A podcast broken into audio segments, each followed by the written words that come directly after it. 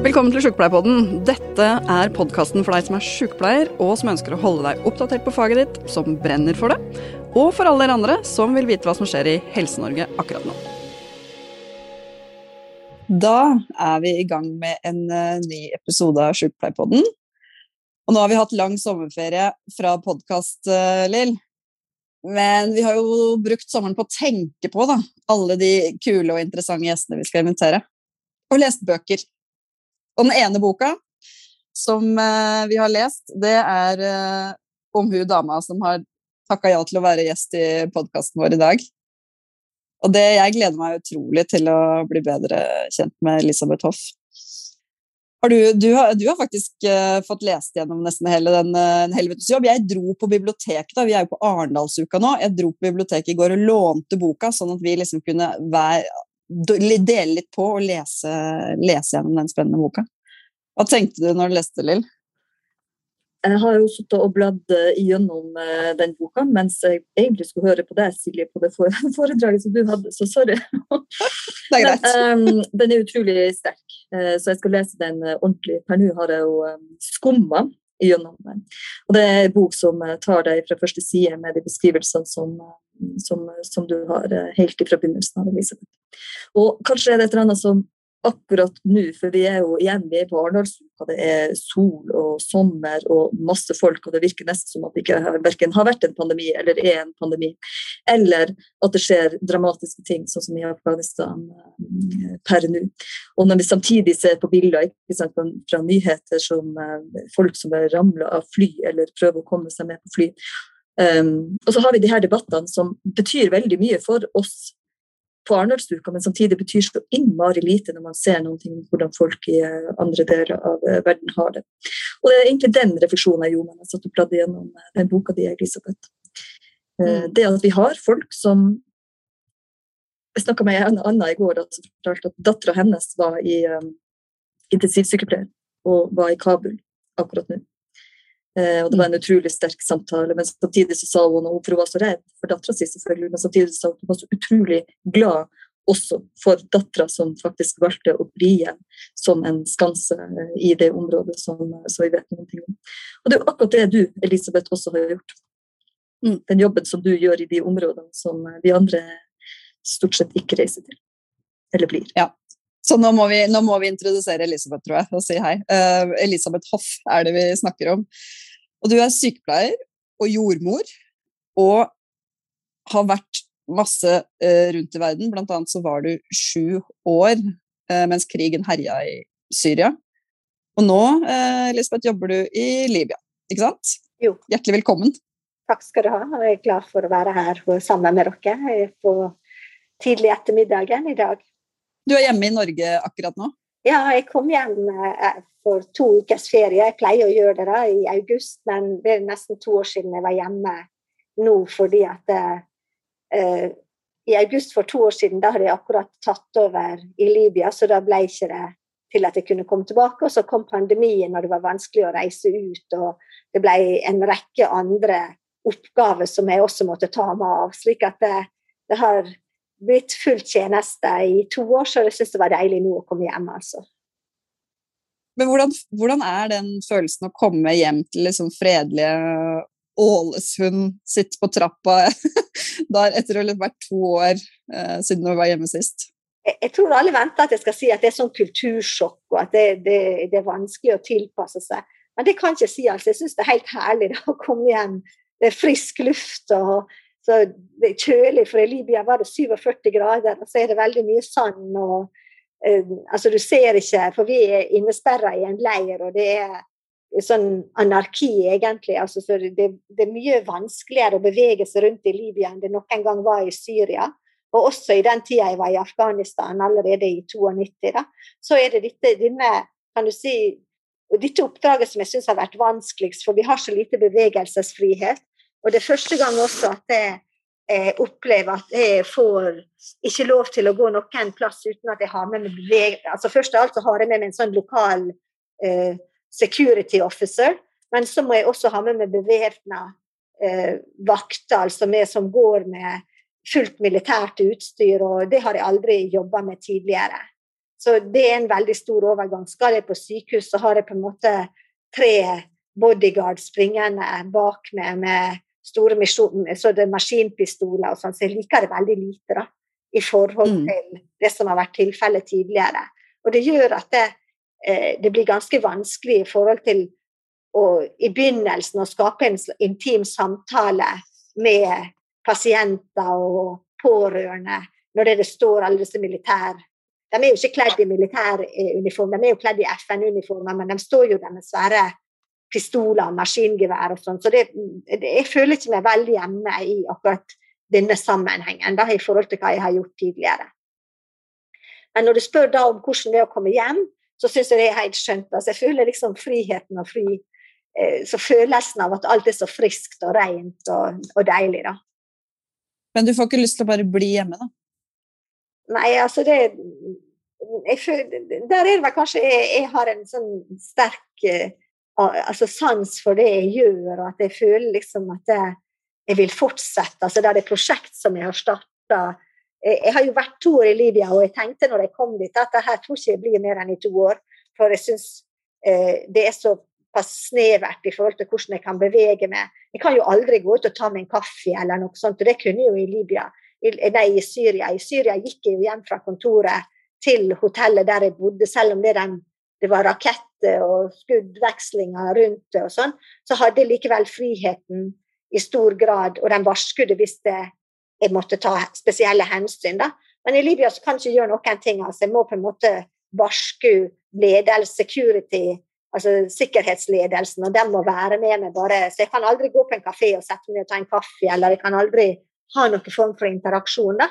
Så uten at det alltid er avtalt på forhånd. Så da tenkte jeg her blir det ikke mer enn i to år. Men nå har jeg starta en del sånne prosjekter, bl.a. et prosjekt for kreftsyke barn. Og vi har da mer enn 150 sykepleiere rundt i landet engasjert i opptrening av kan du si, mer intensivpleie som går utover det med kreft, altså, men det er starta under det prosjektet. Og jeg føler liksom at det er ikke bare det, men veldig mange andre prosjekter. Men når jeg begynte å nevne det, så er det sånn et prosjekt som er støtta av paven da, fra Vatikanet i Roma, som jeg begynte i Syria, hvor han selv var engasjert.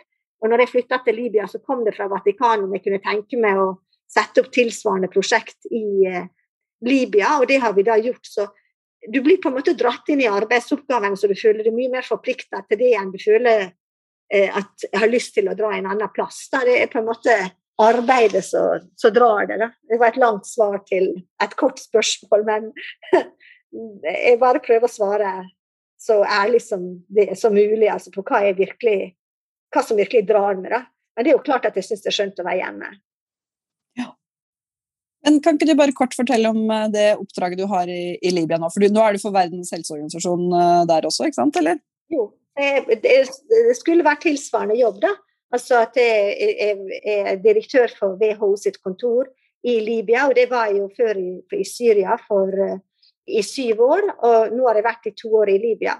Og når jeg dro fra Syria til Libya, så tenkte jeg at eh, dette blir også et krigsområde, men det blir et, en lettere jobb for Syria var eh, veldig intenst, og der hadde vi kan du si, en mye større operasjon pengemessig sett. Da. Og også eh, Syria har kan du si, 23 millioner mennesker, i Libya så var det 7 millioner. Så jeg tenkte at dette her blir liksom kanskje en operasjon for 30% av sånn som det var i Syria. Men det har faktisk vært mer krevende enn Syria. Mm. For i Syria så når jeg kom dit, så var akkurat krigen begynt. Det var i 2012. Så da var jeg med og bygde opp kontoret og rekrutterte folk og sånn. Men det var lett å finne høyt utdanna arbeidskraft, og i Syria så er de veldig arbeidsomme. Så det var ikke vanskelig å få, få sving på kontoret og få ting i gang. da. Mens i Libya, når jeg kom dit, så var det et kontor som omtrent lå nede. Og mm. det var ikke så veldig høy arbeidsmoral, så jeg måtte skifte ut de fleste som var på kontoret. Jeg har nesten skifta ut alle. Og eh, sette i gang med også veldig sånn som et foregangseksempel på hva det vil si å arbeide. For de var vant til å få lønningene sine fra staten uansett, for det er et rikt land med store oljeinntekter. Så eh, det var en total omstilling, og jeg har kanskje aldri jobba så mye i mitt liv som jeg jobba disse to åra i Libya. Så det er liksom aldri noe som en kan tenke seg at det blir likedan. da.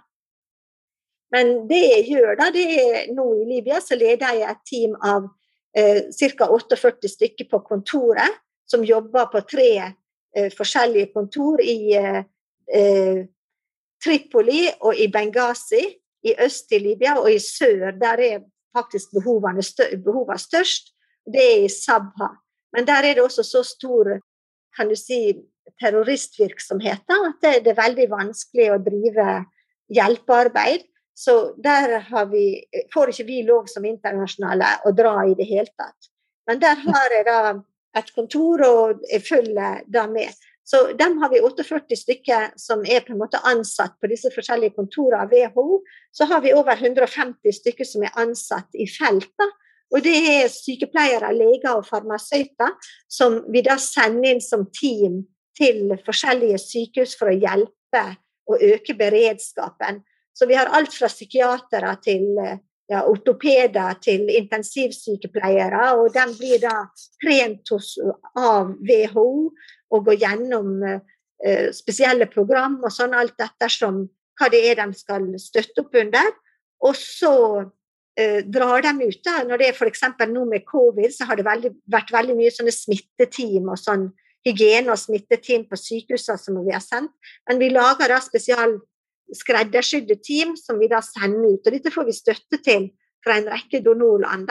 Så jeg må si at det, det er én ting. Så har vi da Eh, hjelper vi veldig mye med eh, Jeg jobber selv veldig nært til helseministeren da, med å hjelpe til med å utarbeide f.eks. sånn som covid. da, Alle helseplanene for landet om både vaksinering, om eh, kan du si, hvor mange isolasjonssenter de skulle sette opp, hvor du skulle sette opp denne her uh, referral mechanisms fra isolasjonssenter til sykehus når det trengtes. Så, så sammen med disse 48 som jeg jobber med på kontoret, som de fleste av dem har forskjellige spesialiteter, alt fra mental helse til uh, kan du si, infeksjonssykdommer til eh, emergency, altså intensivcare-behandling. Og sånn så jobber vi da med å sette opp planer, eh, sørge for at medisinene kommer inn til landet. Så jeg har logistikere og også eh, kan du si, innkjøpseksperter som er farmasøyter, som hjelper å ta inn de rette medisinene. Så vi jobber hand i hand med helseministeriet da, og setter opp hele helseplanene for landet. Og Libya er jo et land som trenger hjelp til absolutt alt. altså De har ikke samme kapasiteten som en gang et land som Syria hadde. Og Det er jo det at de har vært undertrykt i 40 år under Gaddafi og har ikke bygd opp. De sendte alle kompliserte tilfeller ut av landet for behandling. De hadde mye penger, så de bare sendte dem ut til behandling til alt fra Hellas til Roma eller Milano eller der det måtte passe at de fant ekspertise. Og så tok de inn sykepleiere fra Filippinene og Pakistan. Men når krigen brøt ut igjen i 2017, så reiste alle de siste kan du si, hjelpearbeiderne tilbake til landet ble for farlig. Så nå har de nesten ikke utenlandsk arbeidskraft og et helsesystem som er totalt kollapsa. Så det har på en måte vært et enormt arbeid å prøve å bygge dette opp igjen. Da. Jeg lurer på hvordan det ville ha hørtes ut hvis vi hadde intervjua Florence Nightingale i eh, rundt 1850-tallet. Jeg tror det ville hørtes omtrent eh, likedan ut sånn som det her. Altså det, det, du beskriver, er jo noe helt, helt grunnleggende. Eh, det med å bygge opp en, en, helsetjeneste i land. Og det å være ute i krigsområder og jobbe ut fra det, ta læring ut fra det og de strukturene man dermed er nødt til å bygge. Um, jeg og Silje har jo prata tidligere om det, og eh, sant, vi hadde lyst til å kunne jobbe med Leger uten eh, grenser, eller på et eller annet vis kunne altså Det er noe, det sånn eksepsjonelt betydningsfullt, den verdien av det arbeidet som, som, som du gjør, og som, og som blir gjort uh, på den måten. Hva som gjorde at du valgte å gå denne retninga, fra å være sykepleier og jordmor? Hva, var det et sånn øyeblikk du bestemte at ok, det er denne veien jeg skal gå? Jeg har alltid hatt en sånn uh utferselstrang. Da. Det, men altså, når jeg valgte sykepleien og da jordmor, så var det at jeg, jeg allerede når jeg begynte i sykepleien, så visste jeg at jeg ville bli jordmor. Det var derfor jeg ville bli jeg begynte i sykepleien. Fordi at det, det var en veldig sånn fargerik jordmor som var fra Ålesund og påvirka meg til valget jeg tok. da. Så da tenkte jeg ikke så mye på det. Men det er jo klart at det er underliggende. Sånn, så velger ikke du verken sykepleier eller jordmor hvis ikke det er at du har lyst til å jobbe med mennesker og lyst til å være i nærkontakt. Og det, det var jo klart, men jeg har jo vel kanskje alltid vært teoretisk sterkere enn jeg har vært praktisk. Så det har jo også gjorde jo så utslag i sykepleien at jeg gjorde det helt utmerket på uh, alt som var teori, da, så de lurte på hva jeg skulle gjøre videre. Men så når jeg hadde praktisk eksamen i sykepleie, så fikk jeg jo alltid høre at det, sengene mine var jo ikke akkurat like fine som dem som Og bolampa hadde ikke på en måte eller den lampa over senga hadde ikke sjøvind sånn som det skulle. Så jeg, jeg var jo litt sånn der i opposisjon da, mot hele utdanninga og syntes kanskje at jeg ikke hadde valgt rett. da. Men etter hvert så har jo det Og, det, og da hadde, var vi akkurat i den sånn omstillingsformen fra det praktiske til at det skulle bli på veldig mye høyere nivå. Så det passa meg helt utmerket. Så det var intellektuelt stimulerende mer enn nok og hadde veldig gode lærere og sånn. Og det gikk veldig bra, men det praktiske var ikke alltid på en måte det jeg var best på. det. Så jeg, har, jeg, innså jo det veldig tidlig, men sånn som på jordmorskolen så gikk det mye bedre. da. At det gikk mer hånd i hånd, og at jeg kanskje la meg mer i selen, da, for å si det sånn. At det, det var noe jeg ville. Og det med liksom svangerskapskurs og alt dette med kontakt med foreldre og sånn, det jeg elska jeg altså fra første stund. Og jeg jobba på Ullevål, og jeg syntes det gikk veldig greit. Og trivdes kjempegodt som jordmor. Så var jeg ganske engasjert allerede fra jeg det er jo ikke noe, altså Jeg er jo kristen, og jeg har liksom vært eh, den fortellinga hjemmefra Jeg kom ikke fra et kristent hjem, men det var at denne her barmhjertige samaritan, det var liksom fortellinga hjemme som hvordan vi skulle bli i livet. Og at jeg alltid ble minnet på at jeg måtte ikke være en som gikk forbi. da. Jeg måtte være en av dem som stoppa opp og, og tok meg av og hjalp til. Og det passa veldig godt. Og gjennom dette så gikk jeg inn i en sånn konflikt med meg sjøl når det gjaldt jøder og palestiner og mye av det. altså jeg bare sier liksom Som ganske ung så går du jo lett inn i sånne aktivistroller. Og i det kristne miljøet så var det veldig stor uh, tilknytning til uh, kan du si, Israels misjon og Israel og sånn, mens jeg hadde veldig sympati for palestinerne, og det kom veldig tidlig. da. Så eh, jeg dro ut da til Egypt for Palestina-komiteen. Og det var en kjempeovergang for meg, for det var et helt annet miljø enn det jeg var vant til. Men det jeg opplevde veldig sterkt, det var at kanskje ikke, om jeg ikke gikk så veldig godt sammen med alle norske som jobber der, så gikk jeg helt utmerket sammen med de lokale. Og jeg ble veldig godt integrert og mottatt, så jeg ble i den jobben som lærer på sykepleierskolen og jobba på det palestinske sykehuset i et år.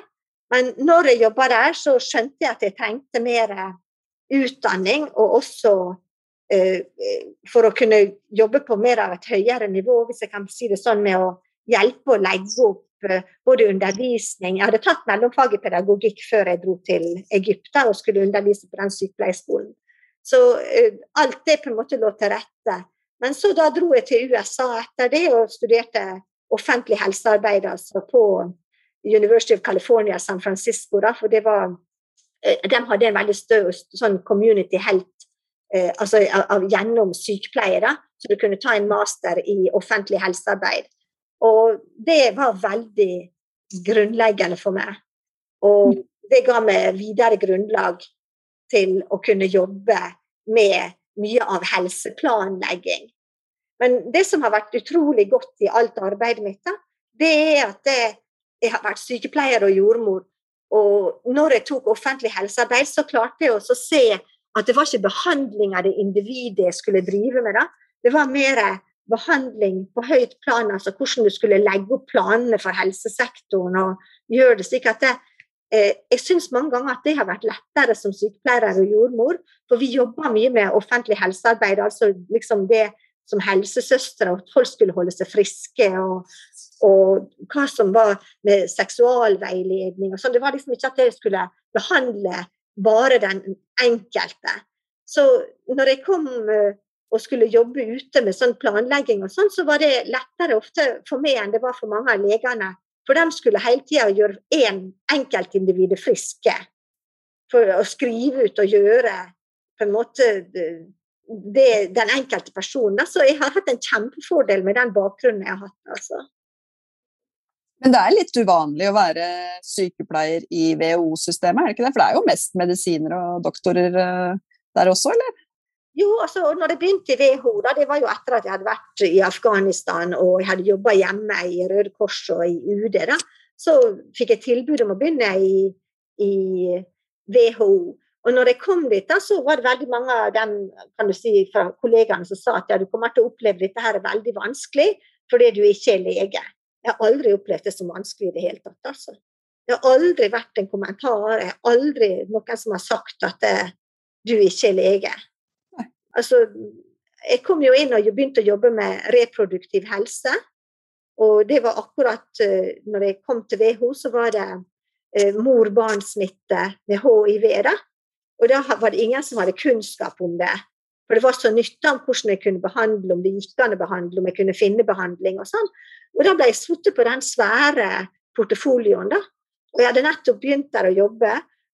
Men dette her med å kunne samarbeide på tvers og være klar over hva en selv kan gjøre, og hva en ikke kan gjøre, og hvor en skal søke hjelp, og hvem en skal samarbeide med, og så spørre på en skikkelig måte om å få om du kan hjelpe meg med dette. Sånn, jeg, har, aldri opplevd at det var noe vanskelig. Da. Så bra du sier uh, akkurat det, for det er jo noe som vi, vi, vi snakker i Sykepleierforbundet og om sykepleiere som ledere. Eh, ikke bare sykepleiere med formell lederposisjon, men sykepleiere som ledere i, i enhver situasjon som koordinerer den organisatoriske kompetansen som sykepleierne har, og som koordinerer de andre tjenestetilbudene til pasienten. Det blir en sånn underkommunisert og gjerne en usynlig kompetanse som sykepleierne har, men som, eh, som vi, vi, prøver å fremme, sånn at sykepleierne faktisk tar den lederposisjonen. Den uformelle lederposisjonen, og ikke minst tar den eh, i de, i de formelle lederposisjonene som de har. Nei, altså jeg må bare si at det, det er ingen som Jeg har aldri fått en kommentar om det heller. Jeg, altså. Du skriver jo i, i, boka di her om leksjoner i ledelsen. Det er jo et kapittel som heter det. Ja, det, men altså, jeg har jo fått mange råd på veien da, som jeg alltid har tatt med meg.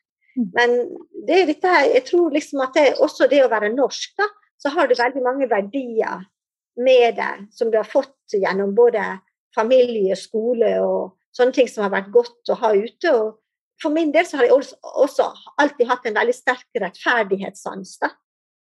Og jeg har aldri det I forhold til mange av dem som jeg jobber med sammen fra andre kulturer, da, så ligger det veldig i meg at det, det er, ikke vant til noen form for nepotisme, f.eks. Altså hvis du har søkt på denne jobben, og du på en måte kvalifiserer til det, så er det grunn, derfor du har fått jobben, og det er mitt ansvar som leder òg at det, får, det blir tilrettelagt for at det, du skal lykkes i jobben. Det er liksom ikke bare den som blir ansatt som har et ansvar, men som jeg har et veldig sterkt ansvar også som leder for å legge til rette for at personen skal lykkes. Og jeg fått veldig, når jeg dro til Syria, da, så var han regionaldirektør, jeg tror det står i boka, da. Eh, han hadde vært tidligere helseminister og utdanningsminister i Irak og var en veldig myndig person. Og han sa til meg at eh, Elisabeth, som kvinne så må du være sterk. Og du må ikke gi etter. Han sa aldri at det var som sykepleier eller jordmor eller ikke lege så må du være sterk. Det var ikke det han sa. Som kvinne så må du være sterk. Og du må ikke gi etter. Altså, hvis du har gitt deg ordre og sånn, og du er overbevist om at det er rett, så må ikke du la andre få overbevise deg, og så begynner du å skifte kurs midt i.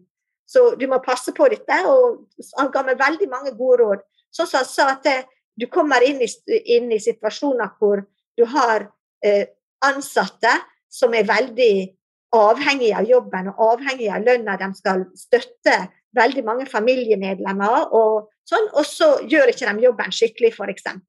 Altså Sjåføren møter ikke opp når han skal, og han gjør ikke det, men da syns du synd i dem. Det må du ikke gjøre. Da må bare han forsvinne fra jobben hvis ikke han har gjort jobben sånn som han skal. Og der må du på en måte eh, utvise autoritet. For det, du må ikke bry deg om Det er så mange andre sultne som trenger jobb i Syria. Han har fått, eller hun har fått den muligheten, og hvis hun ikke har gjort det sånn som hun skal, så må du bare skrive opp og gjøre det skikkelig dokumentering og da ha et hardt hjerte. Det syns jeg var veldig sånn vanskelig. da, og, Men altså, jeg har på en måte lært meg til at det, en må ha fokus på resultat for en skal hjelpe store deler av befolkninga, og ikke bare enkeltmennesker. Er du streng, Elisabeth? Ja, veldig streng. Alle syns mm. jeg er streng. Men når jeg drar fra jobben, sånn som i Syria, da, så har det alle som har kommet tilbake og sier at det, eh, vi syns du var streng når du var her, men nå savner vi grensene for alt flyter.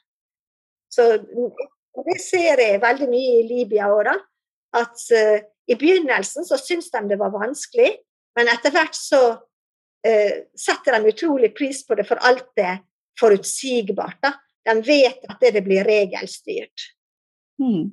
Så det Nei, altså, jeg er nok veldig streng. det er du, si, si noe om hvordan du, eh, du beskriver også en tillit til folk. Du har en grunnleggende tillit til folk, og så må de selvfølgelig levere ut ifra det, det higher goals, altså det høyere målet. Ja. Eh, I boka di har du en sånn eh, litt artig beskrivelse av en, en venn av deg som lærte tillit av et esel. ja, men det Altså Selvfølgelig så må en ha stor tålmodighet og stor stahet. Men altså det er dette her med, som jeg tror er, er, viktig, som jeg nevnte tidligere når det gjelder ledelse, da, det er dette her med å holde seg til retningslinjene hele veien. Og at eh, du kan si det største problemet i konfliktsituasjoner, det er jo at eh, en har så store problemer selv, da. Altså, selv for min del, så skal du på en måte overleve i alt dette. Og det skal eh, i enda større grad de som kommer fra lokalsamfunnet sånn som sykepleiere, leger som kommer, og de som vasker gulvet og, og sørger for maten, de har familiene sine hjemme. Når de er på jobb, så er de engstelige for at det overlever dem hjemme. Og det er på en måte eh, helter, alle sammen. Og det er veldig viktig at en da gir masse ros og anerkjennelse for det de gjør.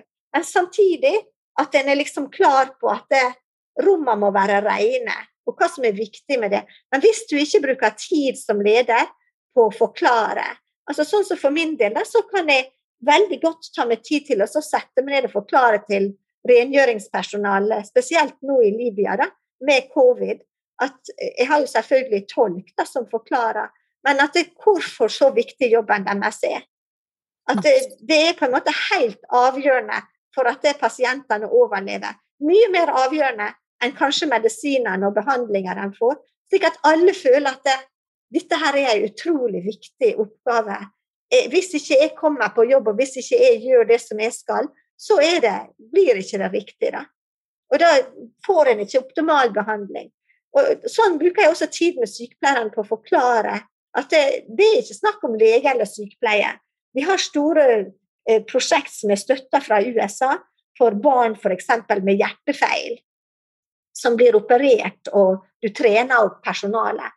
Men der har det vel mange barn som har vært mista, selv om du har hatt kirurger som har flydd inn fra USA eh, og andre land i Europa for å utføre disse hjerteoperasjonene, fordi det har ikke vært god nok postoperativ pleie.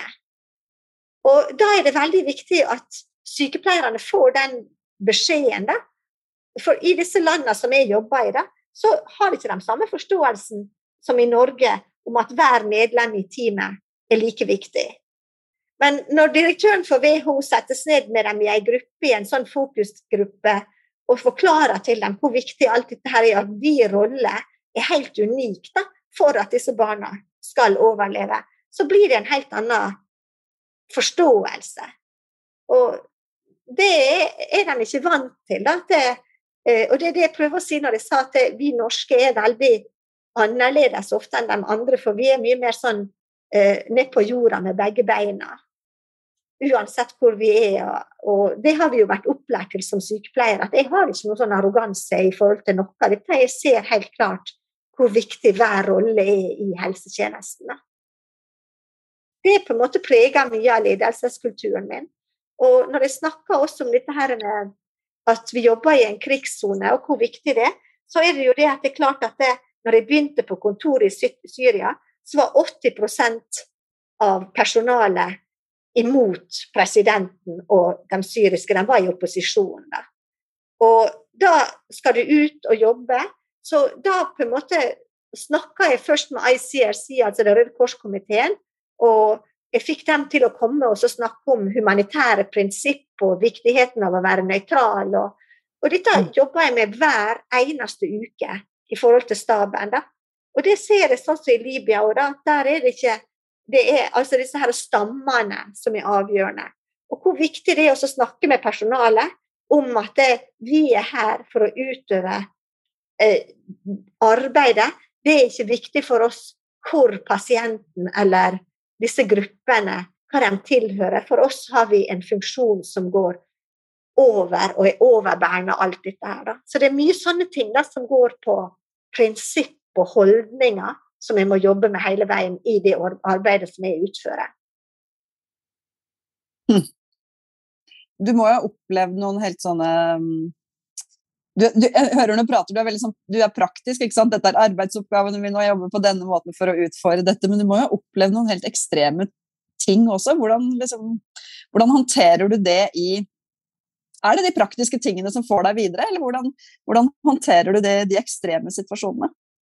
Nei, altså, det er jo klart at det, du, du, jobber ikke med noe sånt hvis en ikke har på en måte en indre overbevisning om at dette er det jeg skal gjøre. Og når du spør om sånne eksempel, så jeg vet ikke om det er nevnt i boka, men jeg leder hele eh, FN-operasjonen til eh, eh, utenfor Damaskus, da, i et sånt område som hadde vært eh, dominert av opposisjon, når det skulle eh, eh, altså det, Da hadde regjeringa tatt over disse områdene og vi skulle levere mat inn der, og folk skulle på en måte bli eh, lokalisert til andre plasser i Syria og sånn. Og så, når vi akkurat hadde levert maten, så ble det ei voldsom bombing, da. Og da skulle jeg være sjef altså, både for Verdens matvareprogram og for flyktningkommissæren. Alle sine stat, De hadde tatt på meg som For han øverste lederen var ikke der, da. Slik at jeg skulle lede den eh, kolonner som skulle inn eller, og gjøre dette arbeidet. Og Da ble det plutselig voldsom bombing, og de bomba varehuset som, der vi hadde levert maten. Og Jeg fløy mange meter opp i lufta, og da måtte jeg på en måte reise meg opp igjen og stå på beina og koste av uniformen, holdt jeg på å si, WHO-vesten, og få samla troppene og bite tennene sammen. Det er jo klart at du er livredd, og du begynte å tenke på ansvaret du har, men å få dem til inn innenfor der det kunne være tryggest mulig å gå i dekning, og da eh, dra tilbake igjen. Så da er det jo sånn at det er klart at en tenker på hva altså er det jeg har utsatt meg for, og hva er det jeg har, skal jeg fortsette med dette? Er det det som jeg kan tenke meg å gjøre? altså Blir ikke dette for farlig? Og, men da er det på en måte sånn at jeg, da tenker jeg veldig ofte når jeg sto i situasjoner som jordmor, da, at det takka jeg for. Altså, jeg sto på Ullevål sykehus og i veldig kompliserte fødsler og skulle ringe til legen, men likevel så måtte jeg ta ansvaret for det som skjedde der og da. Så lærte jeg meg til på en måte å bli kald og rolig. da. Og det var en sånn praktisk ting som jeg lærte meg til. Og det, det kommer til gode her òg. Altså at det, ja, nå gjelder det å, være, å gå mer varsomt og ikke handle for fort, men bestemt. og Sånn, og jeg har bare fortsatt fremover, da, og fikk kalt sammen. Og vi dro ut derifra med alle menn og kvinner i behold. Og, så det er jo klart at det, du, er, du skjelver litt etterpå og får ikke sove så godt på de første tre-fire nettene etter at noe sånt har skjedd. Derfor jeg, altså, jeg fløy gjennom lufta. Hele, alt fløy opp av hele varehuset, alt var bomba. Og det var jo ikke mange meterne fra at det Og det var flere lokale som omkom i dette. da. Og da er det jo klart at det, en, en, gjør seg tanker da, mm. om det. Men jeg har likevel fortsatt å jeg, synes, jeg ser at hjelpa kommer frem, og jeg ser at det nytter, og jeg får mye positiv tilbakemelding på arbeidet. Er du redd? Hva som gjør deg redd i dag? Sånne ting gjør jo en redd. og eh, Det som gjør meg redd, det er ansvaret for andre. Når det sånt skjer, da, at jeg sitter med et ansvar, at det er som å bestemme når vi skal dra inn eller når vi skal dra ut, og om dette her er sikkert nok. Og selvfølgelig så får jeg råd fra dem, kan du si, de sikkerhetsvaktene som vi har, og dem følger jeg alltid. Uansett, så følger jeg de rådene. Men det er jo klart at du er redd mange ganger. Og, men altså, jeg har aldri vært redd for å dø, da. Og det tror jeg er kanskje eh, det som hjelper meg. Men jeg er mye mer redd for at jeg, jeg skal få brannskader eller bli handikappa. Så det, det tenker jeg mye mer på i sånne situasjoner. Jeg tror liksom at hvis en dør, så er det på en måte raskt og effektivt over. Og det er slutt på det meste. Men eh, det som eh, er liksom Når en i, i sånne situasjoner går på brannskadeavdelinga, og så ser skadene som de har, dem som har opplevd dette her, da, da gjør en jo seg sine tanker. Jeg går også sånn som under, eh, under eh, de konfliktene som har vært og fortsatt er, for så vidt. Men som, det er noe, ikke sant, når journalister også ble, ble angrepet og bestialsk henrettet og um, du beskriver, eller noen i alle fall beskriver, du har en, en story også i boka di her om 14 hoder som, eh, som står på en stake i en by. Ja. Eh, og selvfølgelig blir man redd, og så skal du plutselig komme inn til Ålesund og sette 14 hoder som hang på en stake, så gjør det jo noe med deg. Eh, men det er noe med den der, det har jeg tenkt, at hvis jeg skulle reist ut, hvis jeg skulle gjort sånne her type ting, så ville jeg vært redd for de bestialske drapene. Ikke for å dø i seg sjøl, men, men en sånn type henrettelse, som også da norske helsepersonell og folk i roller som deg må jo ha en viss risiko for. Eh, altså, redd Jeg må si at jeg, jeg gikk gjennom en veldig tøff periode. Jeg jobba akkurat når jeg var ferdig på universitetet i California. Så var jeg 33 år, tenker jeg. Og da reiste jeg til uh, Afghanistan for ICRC, Røde Kors-komiteen. Og det var akkurat uh, Jeg var der i elleve måneder og ble evakuert ut. da, For det var akkurat det som skjedde på samme måten da. Da var det russisk styrt og de ga støtte til den afghanske presidenten som var Nakibullah på den tida. Og så kom Taliban og tok over. Og da ble det så farlig at vi måtte dra derfra. Så jeg får jo sånn, kan du si, flashback når jeg ser det som skjer. For om det ikke var så alle så, I dag er de jo mye mer opplyst og søker til å dra ut på flyet, men det var jo samme tragedier som skjedde da for 30 år siden, eller snart 30 år siden, når jeg var der. Og det som må si at jeg, mye gjennom det året som jeg jobba for ICRC, så mista jeg veldig mye sånn av illusjonene om det gode i mennesket. Altså, så når jeg så hvordan eh, grupper kunne bli behandla, og hva som kunne gjøres, og at det ikke var medlidenhet. Eh, og jeg husker at jeg hadde en far som kom inn med ei datter som hadde eh, For da var jeg mye mer praktisk. altså Jeg hadde ansvar for ti helseklinikker, sånn mor-barn-klinikker i Kabul da, på den tida. Og da, kom, og da var jeg på en måte eh, sykepleier og jordmor som var ansvar for disse mor-barn-klinikkene. Så jeg hadde på en måte ikke større ansvar enn de klinikkene som jeg skulle da ta med av og sørge for at de hadde medisinsk og god pleie. Og det var afghanske sykepleiere og leger som jobba der. Da. Og da kom det en far fra en av disse landsbyene utenfor Kabul som hadde med seg dattera si, og hun var tydelig gravid. Og hun var ca. 15-16 år. Og da lurte han på hva han skulle gjøre, fordi at eh, hvis han ble igjen i, der i den landsbyen, så ville dattera bli drept. Fordi at eh, hun hadde da eh, helt klart blitt voldtatt, og det viste seg at det var Han fortalte han faren at det var en familiemedlem som hadde voldtatt henne, og at eh, hun hadde ingen skyld i dette her. Og han trodde dattera og elska dattera overalt på jorda, hadde gått da inn til Kabul og lurte på hva hjelp han kunne få for dette. Og eh, vi tok eh, han da til sykehuset, det var et sånt misjonssykehus som var der, som var drevet av amerikanere, og han dro inn til sykehuset der og så se om at det var for seint med abort, og det skjønte jeg at det var for seint, og på misjonssykehuset ville ikke de gjøre det. Og han faren sa at eh, han kunne ikke være igjen med dattera, fordi at eh, det ville gå utover familien hans i landsbyen. Så han måtte la dattera være der, og vi flytta henne inn på en sånn eh, institusjon for eh, kan du si mer mental eh, handikappede. Vi var ingen andre plasser å flytte henne hvor hun skulle være der, til hun skulle være gravid og altså ferdig med graviditeten og føde. Og vi prøvde å støtte opp så godt vi kunne, men eh, da tok hun og knuste en tekopp, og så kutta over pulsåra. Og vi fant henne død på, på rommet og ble tilkalt da fra maraton, dette her senteret, så jeg dro tilbake igjen.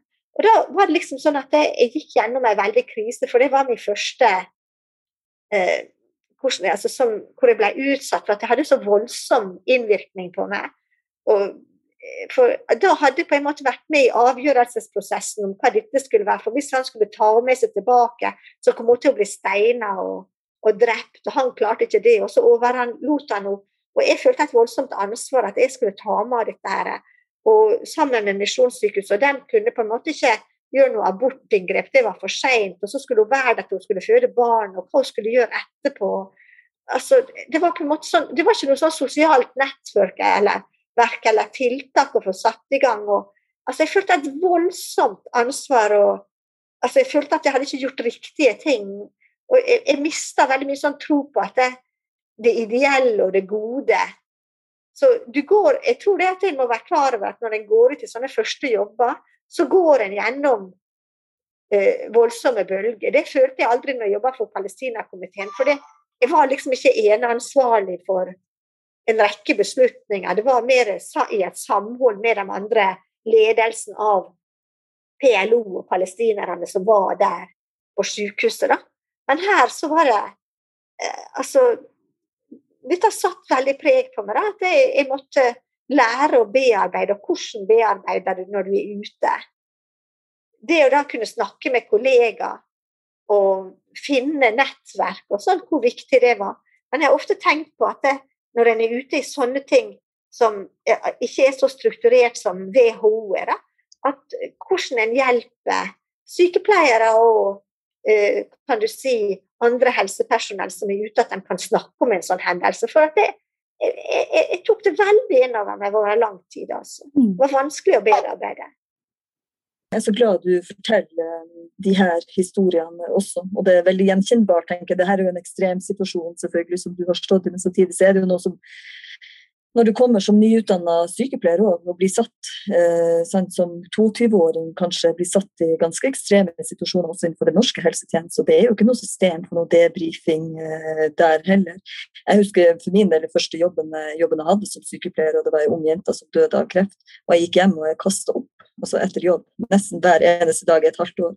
Eh, så vi trenger et system som ser på det. Men det var én ting jeg lurte på. For det er noe med at jeg tror som du begynner med, du har en sånn ønske om å gjøre, gjøre, godt. Og gjøre godt for mer enn bare det ene individet, men det å gjøre det bra. for ikke sant, Det større bildet, eh, det samfunnsperspektivet der.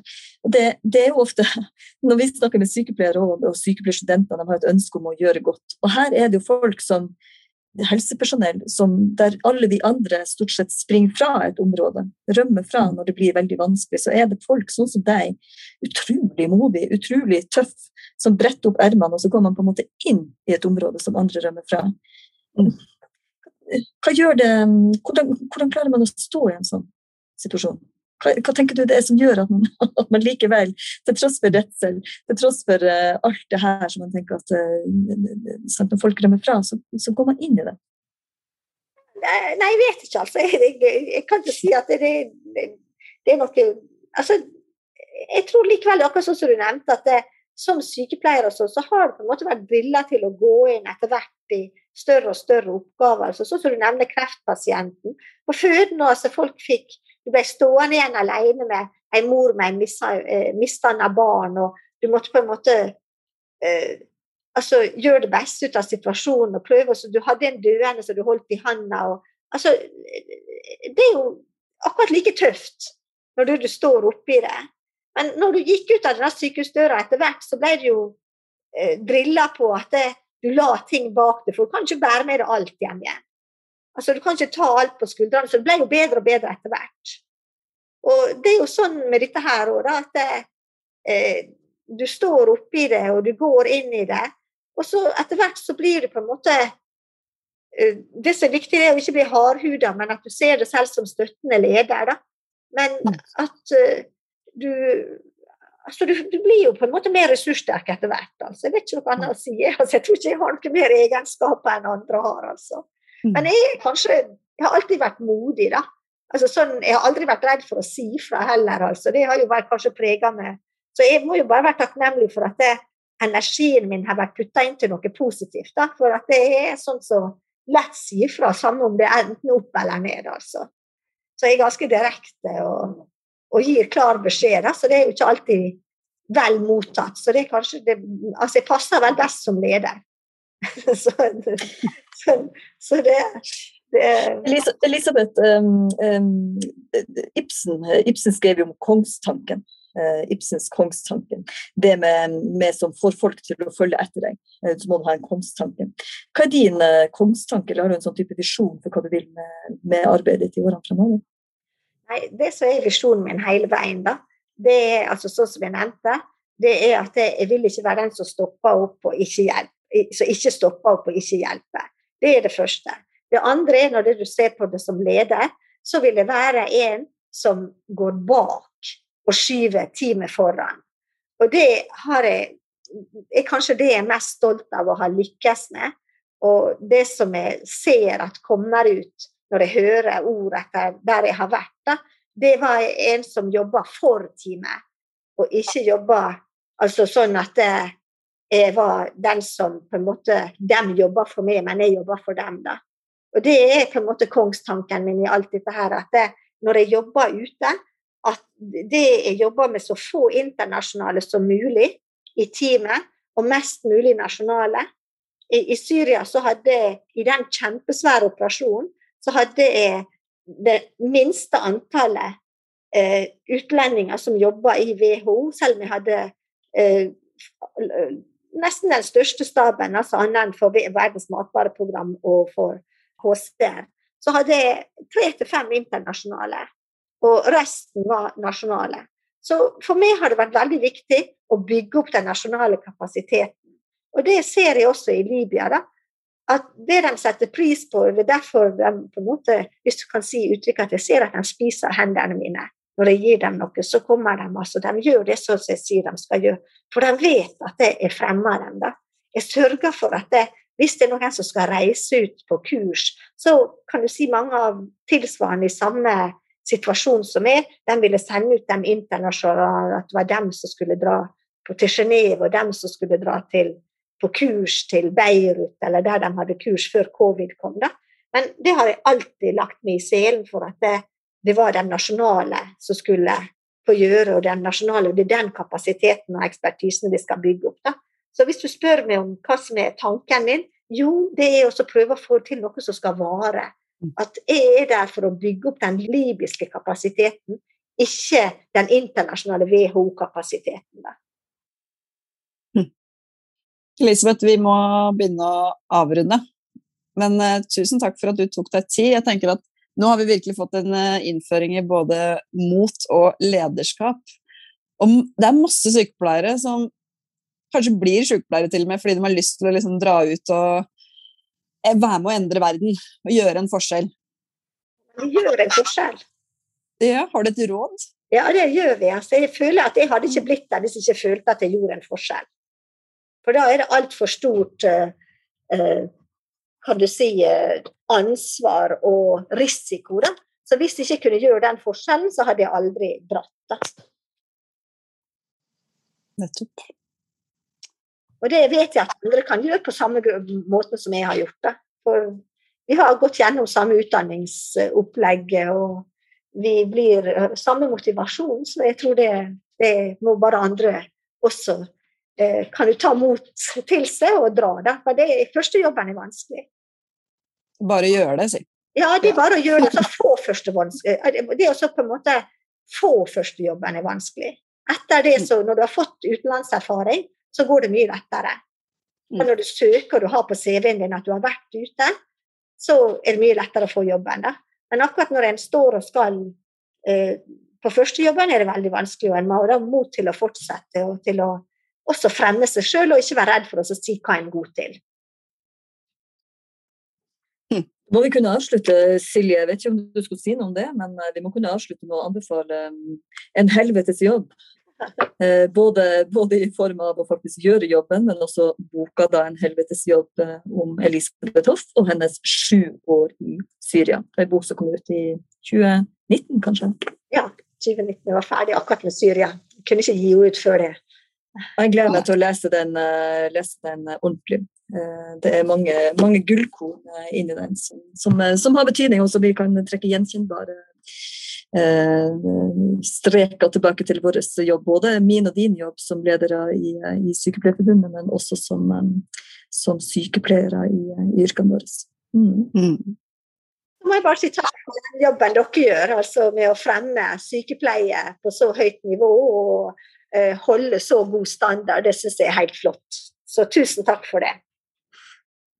Tusen takk, Elisabeth. Tusen takk, Elisabeth. God tur eh, hjem til Libya, får vi vel si, når ja. ferien er over. Ja, takk skal du ha, og lykke til dere, til dere også med arbeidet videre. Tusen takk. De neste episodene av Sykepleierpodden, da skal vi faktisk få besøk av eh, to damer som begge har lyst til å bli helseministre, tror jeg. Og det er eh, Kjersti Toppe fra Senterpartiet og Ingvild Kjerkol fra Arbeiderpartiet. De skal få lov til å komme hver sin runde og snakke om hva som er deres visjon for eh, Helse-Norge, hvis det er de som inntar ministerposten etter eh, stortingsvalget i september. Så det blir veldig spennende. Men nå takker vi for oss, og så høres vi igjen. Hei då!